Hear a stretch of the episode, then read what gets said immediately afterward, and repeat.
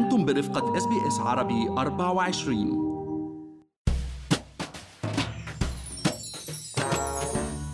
الأسبوع الماضي حكينا عن المصطلحات العملية والمالية التي يجب الإلمام بها للعمل وكسب المال والعيش في أستراليا. وبالجزء الثاني من سلسلتنا المكونة من ثلاث حلقات اللي بنحكي فيها عن أبرز الأمور المالية اللي يجب أخذها بعين الاعتبار في حال كنتم من الواصلين الجدد أو كنتم تنوون مغادرة البلاد لبضع سنوات رح نحكي عن وضع ميزانية كافية للعيش في أستراليا لحين ما نستقر ونلاقي شغل جديد. معكم مرام إسماعيل من بودكاست لنحكي عن المال. واليوم رح نحكي مع المحلل الاقتصادي عبد الله عبد الله عن أبرز هاي الأمور. بس خليني أذكركم إنه كل اللي بنقال بهاي الحلقة هو على سبيل المعلومات العامة فقط وليس نصيحة خاصة.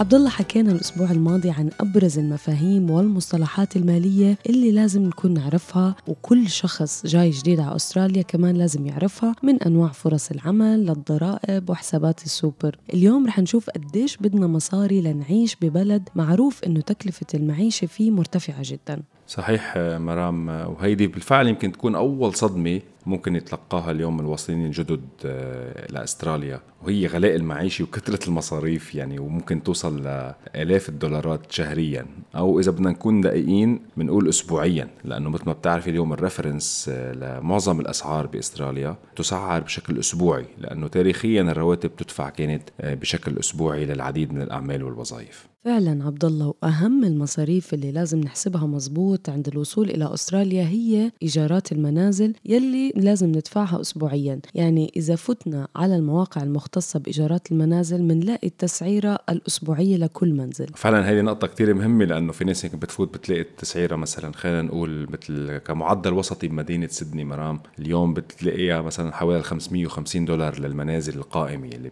بيقولوا لها بإستراليا ال houses أو 470 دولار أو ال units بتفكر إنها هي شهرية ولكن هي التسعيره بتكون بشكل أسبوعي وأكيد تختلف بين ضاحي والتاني بسدني ونفس الشيء اليوم بينطبق على ملبورن ويلي بيوصل فيها آه، معدل إيجار المنزل أسبوعي لحوالي 430 دولار آه، والشقة 390 دولار. وعند توقيع عقد الإيجار اليوم آه، مطلوب دائما دفع أربع أسابيع مقدم كضمان للإيجار. بالإضافة أكيد لكلفة الإيجار نفسه يلي كمان عادة تدفع بشكل مسبق يا أما اسبوعيا أو كل كل أسبوعين يعني إذا بدنا نعمل حساب ست شهور بتطلع تكلفة إيجار منزل بسدني حوالي 16500 دولار. أكيد إذا حسبنا من ضمن الضمان.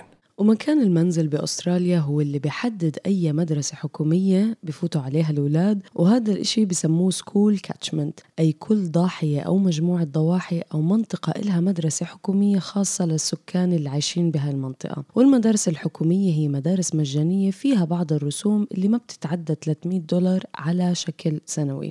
اليوم معظم المدارس الخاصة أيضا مدعومه من الحكومة مرام. يعني معدل الأقساط والتكاليف الأخرى مثل اليونيفورمز وغير تكاليف ممكن تتراوح ما بين ال1000 دولار وال2000 دولار فصليا لكل ولد. وفي كمان بعض المدارس الخاصة ممكن توصل أغلى من هيك أعلى من هيك. في عدة أنواع المدارس الخاصة بأستراليا تكلفتها بتتراوح آه، بشكل كبير بين بعض يعني. وتكلفة الحضانة يا عبد الله بتقص الظهر. بتتراوح بين ال100 لل150 دولار بالنهار كمعدل وسطي. وبتقوم الحكومة بدعم الجزء الأكبر من هذا المبلغ بحسب يعني دخل كل شخص أو كل عائلة وإذا كان الأبين عم بيشتغلوا الأب أو الأم ولا ما عم بيشتغلوا. هلأ بعد ما نستأجر البيت آه، في مفروشات المنزل واليوم هي من الأمور كمان المكلفة ولازم نعمل حسابها مزبوط بالميزانية وقت بدنا نجي على أستراليا. مثلا مثل أسعار البرادات والغسالات تتراوح بين 500 دولار وال 2000 دولار وقس على ذلك للأمور الثانية يعني نحن بدنا نحسب حساب كمعدل وسطي لنفرش منزل باستراليا لازم نعمل حساب حسابنا بين 10000 وال 15000 دولار. أكيد فيها تكون أقل شوي فيها تكون أكثر شوي.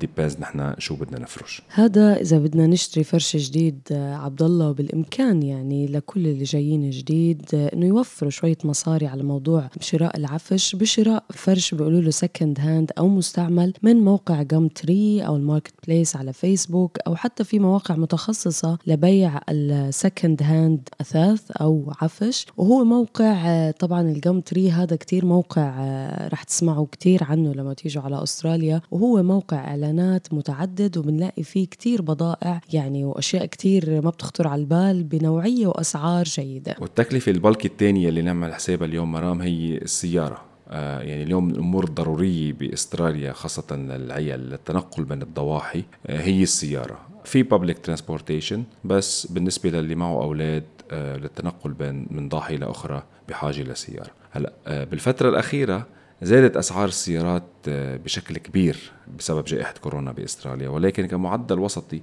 لسيارة عائلية مستعملة بحالة جيدة هو بين 10000 وال 15000 دولار. كمان فيها تكون أقل شوي فيها تكون أكثر شوي بس نحن لازم نعمل حسابنا على هذا المعدل.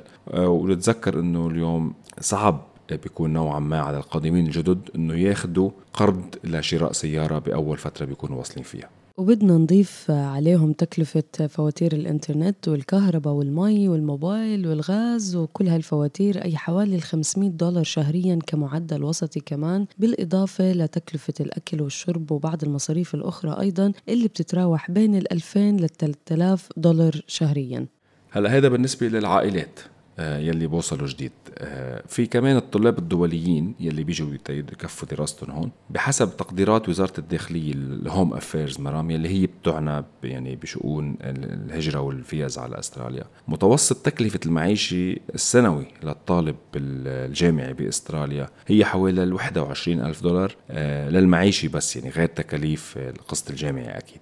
وأبرز التكاليف كمان هي كلفة الإيجار يلي بأغلب الأحيان ممكن يكون إيجار مشترك مع شخص آخر وبيتراوح بين ال 200 و 300 دولار أسبوعيا في المدن و120 ل 200 دولار بالضواحي المحيطة. أكيد آه، وبيتبعها تكاليف معيشة تانية من تنقل وهاتف وملابس آه، ومأكل ومشرب وكمان بتتراوح بين 400 و 700 دولار أسبوعيا بحسب طريقة آه، العيش للأفراد. وبنذكر مرام اليوم أنه الطلاب الدوليين بحق لهم يشتغلوا بأستراليا 20 ساعة كل أسبوع. هلأ بالفترة الأخيرة فترة كوفيد رفعت الحكومة هذا الحد ل 40 ساعة ولكن متوقع بس ترجع الأمور لطبيعتها أنها ترجع لل 20 ساعة، يعني اليوم الحد الأدنى للأجور بأستراليا هو حوالي 19 دولار للساعة، يعني بالإمكان اليوم الطلاب الدوليين يحصلوا على مدخول اقله 300 دولار آه، بالحد الأدنى بتساعدهم أكيد على تكلفة المعيشة. يعني إذا بدنا نحكي من الآخر مرام أستراليا اليوم هي تعتبر من أكثر الدول بالعالم من أغلى الدول بالعالم من حيث تكلفة المعيشة يعني ولكن أيضا المداخيل فيها آه، مرتفعة مقارنة بدول أخرى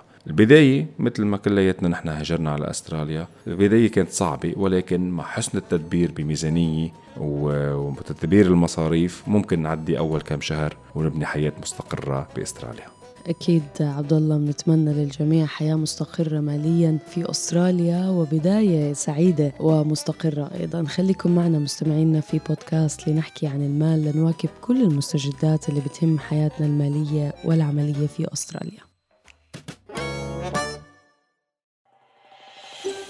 هل تريدون الاستماع إلى المزيد من هذه القصص؟ استمعوا من خلال Apple Podcast Google Podcast Spotify أو من أينما تحصلون على البودكاست.